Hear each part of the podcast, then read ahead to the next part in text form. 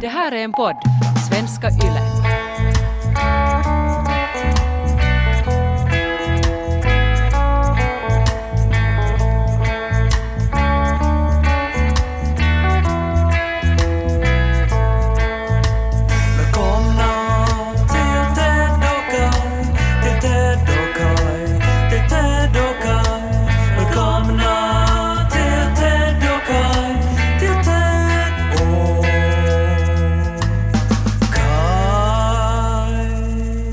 Vet Nilen, den börjar ju som små bäckar i bergen och så blir det ju till typ världens längsta flod. Många bäckar små blir världens största flod. Mm, men jag tror att det är lite som en människa också och ett- i ett liv, att man, man äh, växer ju och sen kommer det nya tillströmningar av nya idéer, alltså vatten. Mm. Och sen så äh, blir man större och större och får mer och mer livserfarenhet och, och, blir till någonting helt annat än vad det var. Mm. Det du ser framför dig nu Ted, så är inte den Kai som du har lärt känna. Jaha. Du har lärt känna en liten bäck och eh, sen har du, har du lekt med den bäcken och, och sen har den växt till sig och du har också växt. Men nu, nu tror jag du ser, eh, inte ännu kanske på den fulla Nilen, men nu är det nog Tana älv eller någonting här. Göta kanal. Ja, den inte så mäktig tror jag, som Tana älv. Men Mm. den filmen har inte åldrats så bra annars. Ja, Den det tror jag nog. Sänds alltid då och då i TV och, och jag Mm. brukar fastna för den. Och det är den här Loffe Karlsson. Eh, jag vet inte om han var komiker eller programledare eller bara spurgo liksom. Mm. Men, men, men han är en sån här no, lustig farbror där. Och så Mm. tävlar de. Lite humorgruppen Kai-känsla över den filmen, måste jag säga. Jag tror de skulle bli väldigt glada Jag tror den. att om de skulle liksom remakea Göta kanal så skulle humorgruppen Kai spela huvudrollerna, tror jag. Ja, och det skulle säkert bli jättebra. Mm. Men eh, du ser alltså nu på en ny Kai som, Mm. har, som, som är förbättrad och starkare och eh, inte hade någon aning om att han skulle bli så här strid Mm och strömmande. Det är roligt med ordet strid, för att det, det är ju någonting som jag inte riktigt har tänkt på, alltså någonsin i mitt liv innan jag började läsa Bockarna Bruse åt Lo. Och de går ju över en bro som är över en stridfors. Och att det är ganska svårt att förklara, liksom, när han vet att, att strid betyder att någon slåss. Men att det, det är bara att, att, liksom att, att den, den rör sig väldigt snabbt. Men nog vet han väl att det finns homonymer, alltså ord som är samma men betyder olika saker. Ja, vi har inte riktigt haft den diskussionen ännu inte, men... Ja, jag tänker så här, som lingvist så är det väl en av de första viktiga diskussionerna. homonymerna så kommer väl direkt efter den här eh, fasen som vi är inne i just nu, som är att man kan byta ut ord mot kacka. Eh, att till exempel att om man sjunger att du ska inte tro det blir sommar, så kan man också sjunga du ska inte tro det blir kaka innan någon kackar och kissi. Jag gör så att kacka. så där är det när, eh, när man ska sjunga godnattsaga eller någonting åt honom just nu. Men oh, skratta. aj, aj, aj, aj, kacka. Också en favorit. Är det just eh, alltså han som väljer ordet man lägger in då? Ja, alltså man ska sjunga, någon annan ska sjunga och så viskar han kacka, kissi på sådana ställen. Ja, min mamma sa ju ”nono” om man sa ordet, såna ord. Mm. Så att, eh, men det uppmuntrar ju en förstås, så man gjorde ju det mer och mer. Ja, no, det svåra är ju att jag försöker ignorera det, men att det är ju så satans roligt. det det. Och det är liksom så svårt att, att när man är så där att man har just fått honom i det skedet att han håller på att somna, aj, aj, aj, aj, puff, och så hör man honom under täcket ropa kissi. Så det är jättesvårt att inte börja skratta. Men hur, hur kan det vara så roligt? Alltså för, ja, jag hör ju själv, jag skulle ju skratta Ja. också. Ja. Men vad vad är det där? Är det Mm. bara för att det är barnsligt, för att man vet att man inte borde tycka att det är roligt och det är det som gör det roligt? Lille kacka, lille kacka, lilla söta kaka. Vårt land, vårt land, vårt kackaland. Ja, det är roligt. Ja, det, är ju det. Mm. Men du är en ny människa. Ja, jag har varit och seglat till ett annat land, över ett Jaha. hav. Okej. Och jag har ju seglat tidigare också med min goda vän Dan Granqvist som ni Mm. kan lyssna på i Sex och sånt-podden. Mm. Och, eh, men att nu får vi alltså över Finska viken. Så vi får, vi får över ett hav till ett annat land. Mm. Och jo, det är inte jättelångt. Men för mig då, som aldrig har... Hur länge tog det? Nå, det tog tio timmar per väg. Ja. Eh, Så jag har ju varit liksom ett helt tyngd i princip nu då ombord på en segelbåt.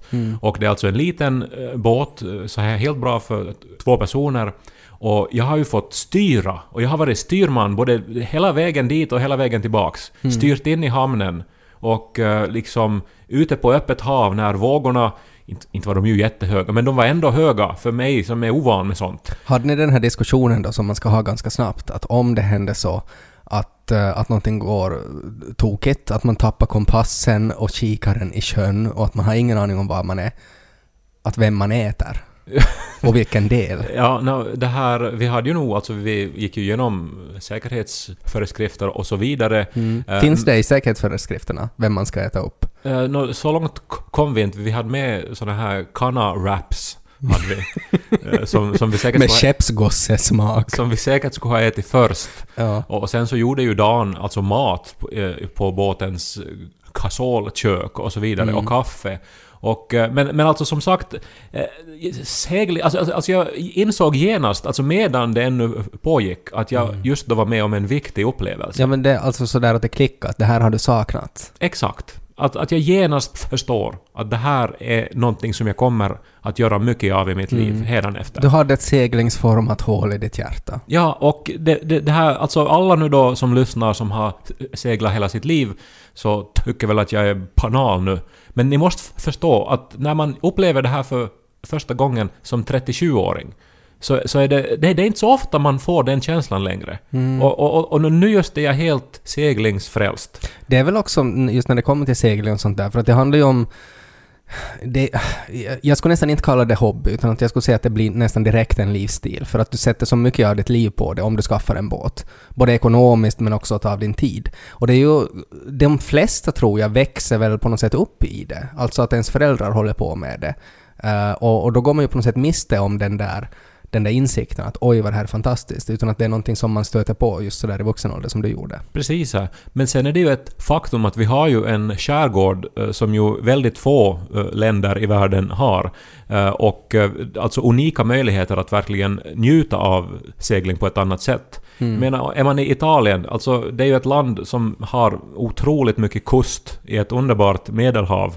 Eh, Men det är ju nästan ingenstans man ser människor som seglar. För att det finns ju ing- ingenstans att segla. Alltså, Nej. det finns ju inga öar. Eh, Mm. Så det är ju nä- nästan som att man... eh, Och jag inser det nu, att jag har som inte utnyttjat att jag bor i Finland. Om in, e- eftersom jag inte har seglat. Och så är du ju finlandssvensk också. Ja, ja no, okej, men det är ju för att finlandssvenskarna bor längs kusten där de här möjligheterna har funnits som den här stereotypen har förstås då Mm skapats. Men i, i vilket skede är du nu då av den här nya strida Fors Kai? Alltså att är, är, det, är det liksom nu att du har börjat med liksom så här seglingsmode? Nå, Jag får såna annonser nu på mina sociala medier för såna Ja. här dyra seglingsjackor. Mm. Och jag kommer ju förstås att köpa dem. Mm. Eh, och eh, Det har jag annars tänkt skulle vara en så här, ett roligt experiment, att man skulle alltid köpa det som Facebook annonserar åt en. Och så skulle man se vilken sorts människa man blir till. att, en att, algoritmmänniska. ja, en algoritmstyrd människa, liksom att får du reklam för det där så då, då jepp, det där ska jag köpa. Och så, så blir du till en sån person som har det där. Ja, men, men jag får också vet du, mycket så här för mat och, och för liksom eh, diarrémediciner Ja, och då sånt. skulle du köpa det och börja ta den medicinen. Så att man måste alltid Man liksom måste alltid- man måste alltid- konsumera. Man konsumerar och använder det man får. det, det, alltså säkert skulle man ju lära sig och bli en större flod. Alltså min, min så här stora idé om det här är att, att det ska vara en gameshow, alltså som Big Brother, att man låser in några människor i ett hus där de får prata och komma överens och sådär om vad som helst, men alltid på kvällen så måste de kolla vad de får reklam för och så måste de skaffa det. Och så måste man liksom se vad det blir till av de här människorna. Men hur många olika vibratorer kan man behöva liksom? Ja, du måste alltid köpa om det kommer en sån. Ja. Och använda det och så måste du prata om det med de andra så att de också börjar få. Men som en motvikt till den här konsumtionshetsen och till sociala mediernas flöden och så vidare, så det här lugnet och den här långsamheten eh, och, och de här märkena då, de här få sjömärkena på vägen till Tallinn, så att man siktar liksom på ett i taget som växer långsamt under många timmar och sen så är man framme där och så tar man sikte på nästa märke. Och det är liksom underbart eh, lagom eh, vågor och det är som just lagom länge att man inte ser något land någonstans så att man då som nybörjare inte, inte får panik. Eh, och, och sen liksom att hoppa i mitt ut på havet och simma omkring där utan land i sikte någonstans. En ny upplevelse också. Helt underbart. Och, och sen är det ju också det här att det är som ett äventyr. Alltså det är som ett klassiskt äventyr. Att man, alltså så här lite farligt, lite så här att man far ensam ut på en, på en, på en resa med risker och så vidare. Och sen återvänder man eh, med en skatt. Hittar ni en skatt? Nej men vi köpte ju mycket med oss. Ja, just det. Alltså det är otroligt billig sprit.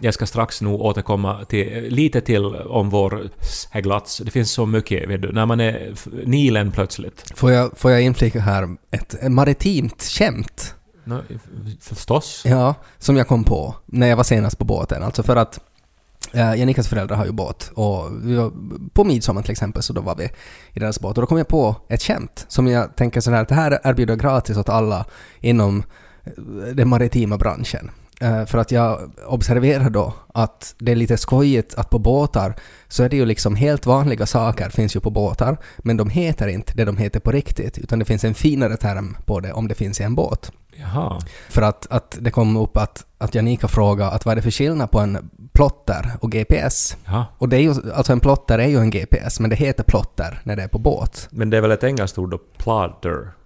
Nå, man, säger, man säger Jag plotter. har aldrig hört det förr, inte ens fast jag nu är typ sjöman. Ja, nå, GPSen på båten heter plotter. Ja. Och när hon frågade så skrek jag högt från fören. Nå hör du baby, det är samma skillnad som på pentry och kök. Och Pentry heter det alltså på båten? Ja, köket. Just det. Men eh, är nyckeln här att man använder de engelska orden? Nej, alltså säkert är väl mycket av det kommer väl därifrån. Alltså, men nu heter det också akter och för, att det heter ju inte port och vad det nu heter. Men oberoende så är det roligt att säga att vad är skillnaden och så säger man att det är samma skillnad som på pentry och kök. Mm. Så där fick ni nog gratis som alla ni som är på båt, att när ni har någon icke sjöman ombord så då kan ni skoja till det sådär. Varsågoda. Ja, men det, det, det är ju när man möter en ny värld så, så finns det ju mycket som man iakttar och som man kan skratta åt lite grann. Och det är faktiskt lite grann det som jag skulle komma till här också, men jag ska först fråga dig om du har sett de här Karen-memesen. Ja, förstås har jag. Ja, man kan ju inte ha un- un- undgått dem. Nej. Alltså, eh, jag har skrattat mycket åt dem. Mm. eh, och sen också varit lite osäker att är det okej att skratta åt det här nu då?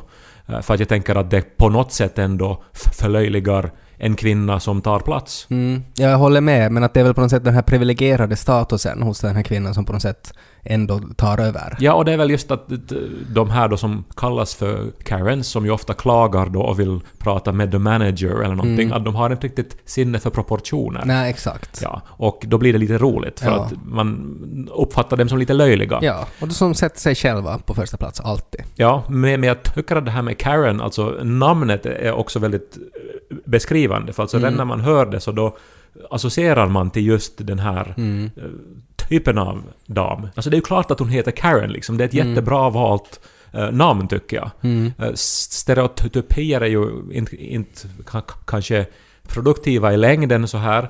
Men nu är det ju roligt ändå att leka med tanken på att det finns vissa typer av människor. Mm. Och så ger man dem då en rubrik då. Och det här är liksom Karens. Ja, Ja, det gör världen lite lustigare om inte ja, annat. jag håller med. Och i en gästhamn så stöter man ju minst sagt på stereotyper också. Mm. Eh, och vi la ju till då i Tallinn, eh, i gästhamnen, det var något spännande att kryssa då med vår lilla, lilla båt mellan de här Silja Europa och Tallink Megastar eller vad de nu heter. Mm. Liksom sådana här enorma fartyg då, så kommer man där då med sin lilla, lilla segelbåt. Mm. Eh, och ska, ska då längst in där det då, då finns en sån här gästhamn. Mm. Och, eh, men det gick bra. För att jag, jag är ju nu en van styrman. Du är ett med båten. Jag är Nilens main fåra nu när det handlar om att, om att styra. Mm. Och, eh, men där märkte vi ju snabbt i gästhamnen att vi var ju nog den överlägset minsta båten där. Mm. Och som verkligen, alltså inte bara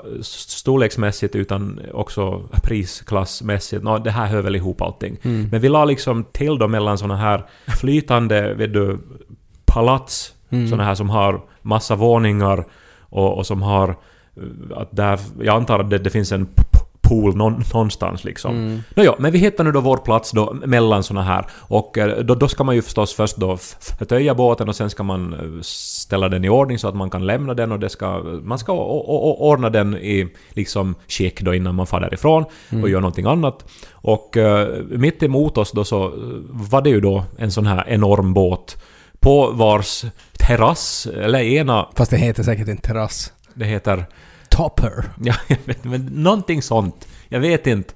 Men eh, de uh, iakttog oss då medan vi höll på att dona. Och Mm. Det är ju det värsta det. Om man är lite sådär osäker på vad man håller på med och så sitter ett proffs och bara stirrar på en. Ja, som dessutom då har vet du, en åtta gånger större båt. Och, Mm. Och i så hör man när man håller på och knyter någonting så hör man... en sån här ljudlig inandning. Ja, om man känner de här blickarna som, Mm. som spe, spjutspetsar, herregud. Ja. Nåja, men vi lät oss inte bekomma. Ändå hade vi ju korsat ett fucking hav. Ja. Så. Jo, ni var ju ändå Nilen som nu rann till Tallinn. Men så till sist då så tilltalar ju den här mannen oss då på svenska. Sa han morgens. Han sa morgens. Ja. Förstås sa han morgens. Och eh, alltså nu, nu måste jag genast då understryka att han var otroligt trevlig. Ja. Men också en klassisk Riku som jag nu skulle vilja etablera här nu då. Mm. Och det här är ju inget nytt. Vi känner ju alla till den här finlandssvenska stereotypen då. Ja.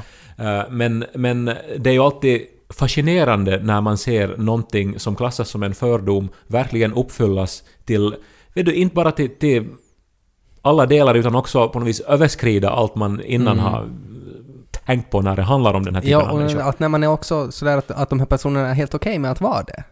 Att det är inte liksom, för dem är det så här att, so what? Ja, ja och, och som liksom när all, all, vet du, alla kännetecken uppfylls, vet du, polotröjan av just det där märket, de där vinglasen med liksom ett så här immigt, vet du, för det är iskallt, välkylt vin, eh, liksom den här medelålders tränade uppenbarelsen, Uh, seglarskorna förstås. Eh, plötsligt uppenbarar sig några tonårsbarn som har då de här dyraste trådlösa hörlurarna. och också såna här sneakers som jag hade råd med först när jag var liksom 30. Ja. Och, och sen då eh, började du prata om segling och fråga om, om den här båten då, som tydligen var den båt som han hade lärt sig segla med då, antar man då för länge sedan. Ja. Och eh, nu var det ingenting föraktfullt i det, han var genuint intresserad av liksom att eh, prata om den här båten som han eh, verkade ha älskat en gång i tiden. Men det gick ju också nog att läsa in att ja, men han var ju inte mer än kanske 15 år äldre än oss. Eh, Men han hade ju så att säga gått vidare Ja, från den han- här enkla båten. Ja, att han var kanske ett barn när han hade den där båten. Ja, och nu hade han ju då den här, jag vet inte vad det skulle vara då på båtspråk, Frigate. Ja men vi kan kalla det för det. Mm. Och liksom han pratade och pratade och, då, och undrade liksom om hur det hade gått då och de hade ju startat sju timmar senare än oss och var ändå framme Mm. före oss. Och så pratade vi lite så här om att det skulle vara hårda vindar dagen efter och så sa han att vi kan ta en skabba på vägen tillbaks. Och så det här skrattade vi och hade trevligt men det var ändå som så här att ja, det här är ju en Riku. Och, och jag satt och s- liksom försökte hålla tillbaks ett leende eh, och så här. Och eh, sen då när han hade färdigt så satte han sig ner igen med en sån här förnöjd suck, sträckte sig efter sitt vinglas och gissa nu vad han sa. Om du tar riktigt den här stereotypen. Sa han det åt er eller sa han det... Han sa det rakt ut som Rakt ett sånt här allmänt konstaterande. Uh, något så här att, att ja, no, men det är väl... Det skulle det inte vara dags för lite skumpa nu då? Satte sig ner, förstås var ju skumpan redan upphälld Ja, i glaset. S- Satte sig ner så här och sa Jabba dabba du.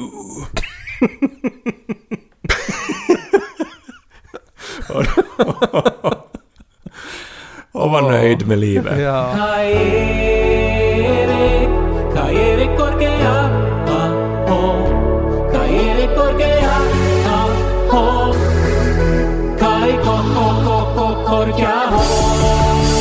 Det där är ju det här perfekta medelålders manliga uttrycket. Alltså det, fin- det finns ju ingen kvinna som skulle sträcka på sig och äh, Jabbadabadoo!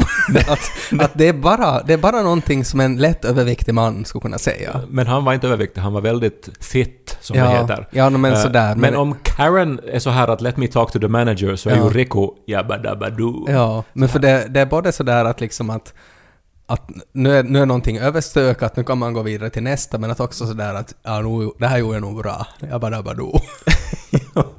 och som också på något vis f- försöker, eller för Rico så rimmar det ju med hans co- coolhet. Mm. Och, och nu vet jag inte om det någonsin har varit coolt att säga jabbadabadoo, uh, men det har ju inte varit det på väldigt länge i alla fall. Nej. Nej, faktiskt.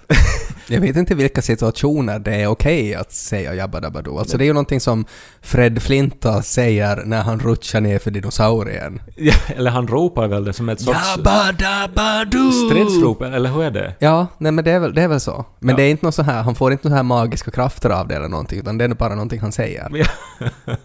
men, men, men det är ju på något vis eventuellt ett uttryck för privilegier då, precis som “Let me talk to the manager”. Ja, Eh, så, tror du han sa det också när han hade köpt den där båten? Jabbadabadoo! Säkert. Och sen gjorde de en, inte en fistbump ens, utan en sån här, någon sorts handtecken. Ja. Jag vet inte. Mm. Eh, sånt. Pistolerna. Philips-pistolerna.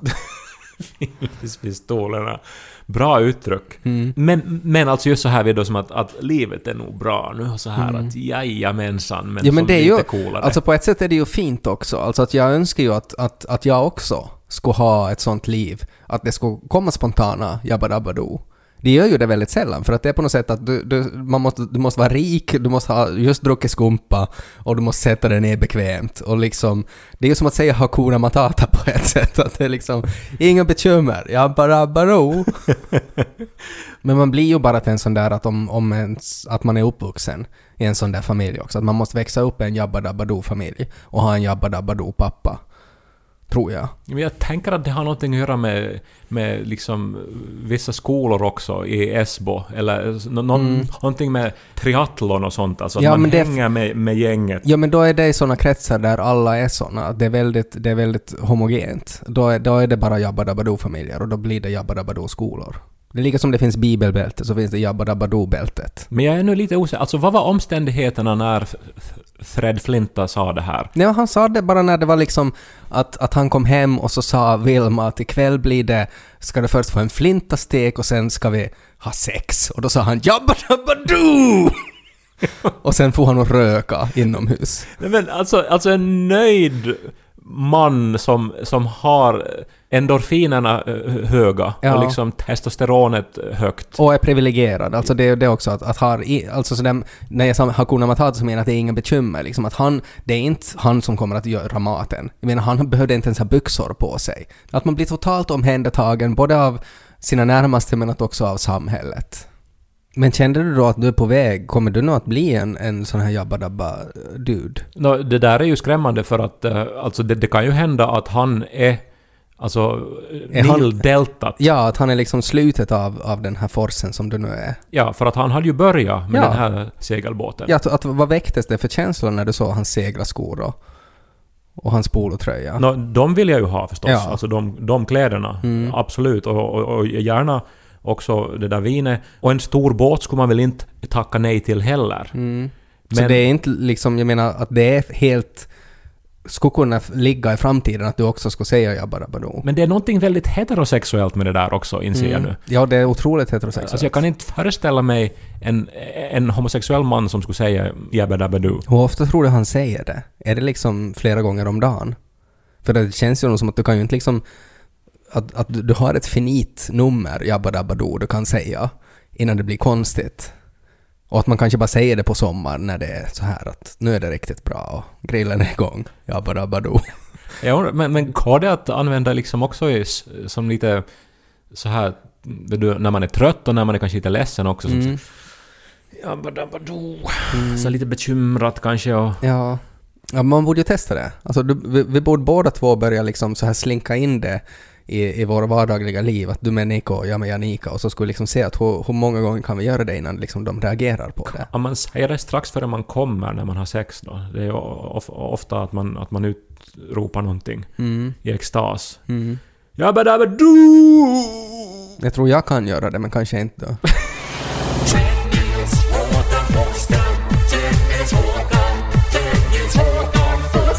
det var nog så fantastiskt. Jag, jag är helt... Alltså, jag är tagen av den här upplevelsen, att, av den här långsamheten. Vad fint att du i den här åldern nu liksom hittar någonting nytt sådär att, som du kan sätta alla dina pengar på. Går det att sätta ett segel på er säng då? att ni skulle kunna bara få iväg, för då skulle ni ju nog tävla sådär, då skulle ni ju inte behöva tänka att ni har liksom den billigaste båten och mer. Ja, nå det här, vår säng skulle säkert ha rymts i Ri- Rikos båt. Så det, det är väl sen kanske eh, ri- ri- riktigt långt ner för Nilen då. Mm. Nej men det var nog, al- alltså, ja, det, det är viktigt att liksom förnya sig och att eh, hitta nya sidor hos sig själv. Det har jag alltid tyckt. Och eh, det här känns som sagt som en viktig upplevelse och som att jag, jag vet inte vart det leder ännu. Mm. Två saker som vi också såg ute på, på Finska viken. Eh, Dels en säl som hoppade omkring där bredvid Oj. oss. Det var fint ändå. Ja. Uh, vet du när man... Det är ju tyst när man seglar. Mm. Och så mitt i allt så är det som blup, blup, blup kommer en säl där. Och då känns det som att ja men nu är jag nära naturen också. ja, det är ju jättehäftigt. Mm. Men det andra, mitt ute eh, på havet, alltså när man inte såg land åt något håll. En ensam kille på vattenskoter, så här jetski. Och eh, jag tänker ju att det var typ Rikos son eller någonting. Så, för att det, det är ju nog... Alltså jag, jag, jag hade nästan ångest alltså på natten sen. Bara av idén att fan, om någonting händer, vad, vad, vad ska han göra? Mm. Alltså, om skåten stärvar, Mm. så, så är han ju helt ensam där ute. Ja. Det där är ju överlag att om man är sådär Uh, som jag till exempel som inte är så bevandrad inom maritim terminologi eh, så kan man ju alltid att om man är på en brygga och, och man märker att, eller i bastun i någon gästhamn eller någonting och, och måste ha så här, okej vad ska jag, nu måste jag ha någonting att prata om. Då kan man ju alltid börja prata om vattenskotrar. Ja, vet du mycket om dem då? Nej, men alla hatar dem. Ja. Det, det är så här, man kan bara säga ”Åh, vattenskotrar, jo, jo, jo”, så kastar alla på vatten och... Ja, ja. Det är som skarvar ungefär. Ja. Li, lika omtyckt. Men det är också motsatsen till, till segling. Mm. Men det är väl därför det är det liksom att det, de, de, det har högt ljud och det, det märkte jag faktiskt som jag inte har tänkt på. Alltså att när man är då förtöjd i en gästhamn eh, och så kommer det någon på vattenskoter förbi. Så det skapar ju alltså vågor som gör att liksom att alla, liksom alla båtar i den där hamnen eh, börjar ju gunga. För att den där ena typen inte måste liksom gasa iväg. Och att det är också sådär att, att då tänker man ju bara på sig själv. Att nu ska, jag, nu ska jag ha skojigt, nu ska jag ha hård fart. Men så tänker man inte på att det sätter alla andra båtar i gångning. Och så vet man ju sen då när han liksom stannar skåten då åker upp med den på den här skåterrampen, skåterställningen och liksom kliver av och eh, öppnar upp dragkedjan i sin våtdräkt då och skakar vattnet ur håret vad han säger. och, och om det finns någon tjej som tycker att det är sexigt så då är vårt främlingskap totalt mellan mig och henne. Men nu, nu, alltså nu ska jag ju vilja, nu ska jag ju vilja åka vattenskoter. Nu ser det ju roligt ut nu. Har du inte åkt vattenskoter? N- när ska jag ha gjort det? Nej men någon gång under ditt liv. Så ska jag bara vara jabbadabbadoo och köra iväg på vattenskotern. Nej men testa någon gång Nej men någonstans. var? Nå- när ska jag ha gjort det? Nej, inte vet jag. Jag tänker att det är nog en sån sak som man någon gång testar. Det var en väldigt Karen-sak att säga det. Nu får man väl någon gång med vattenskoter? Nå, du har säkert åkt vattenskoter i något spel någon gång, så du, du, du har som upplevt eh, farten i din bekvämlighetszon. Mm, det har jag gjort. Ja. Men jag är nyfiken nu då, att vad är följande steg nu för Nilen Korkeaho? Nå, det vet man inte. Du, floden flyter dit den far. Den, den är stark, den är ostoppbar. Mm. Den föder ett helt land. Men för jag tänker att nästa vecka så kanske du rider en häst och då är det det som är det starkaste som finns i livet. Men du vet att jag inte är en sån som från vecka till vecka ändrar, eller har såna här upplevelser. Det är det jag har försökt säga nu, att hur sällan man har en sån här omvälvande upplevelse i vuxen ålder. Mm. Men nu vet jag ju att inte kommer jag som genast att skaffa båt nu och så här, men jag vet bara att det här var viktigt, det här, det här vill jag göra igen. Vi har kollat på Nettivene nog.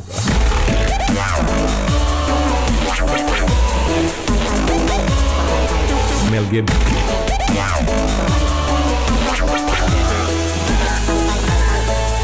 Haushoch.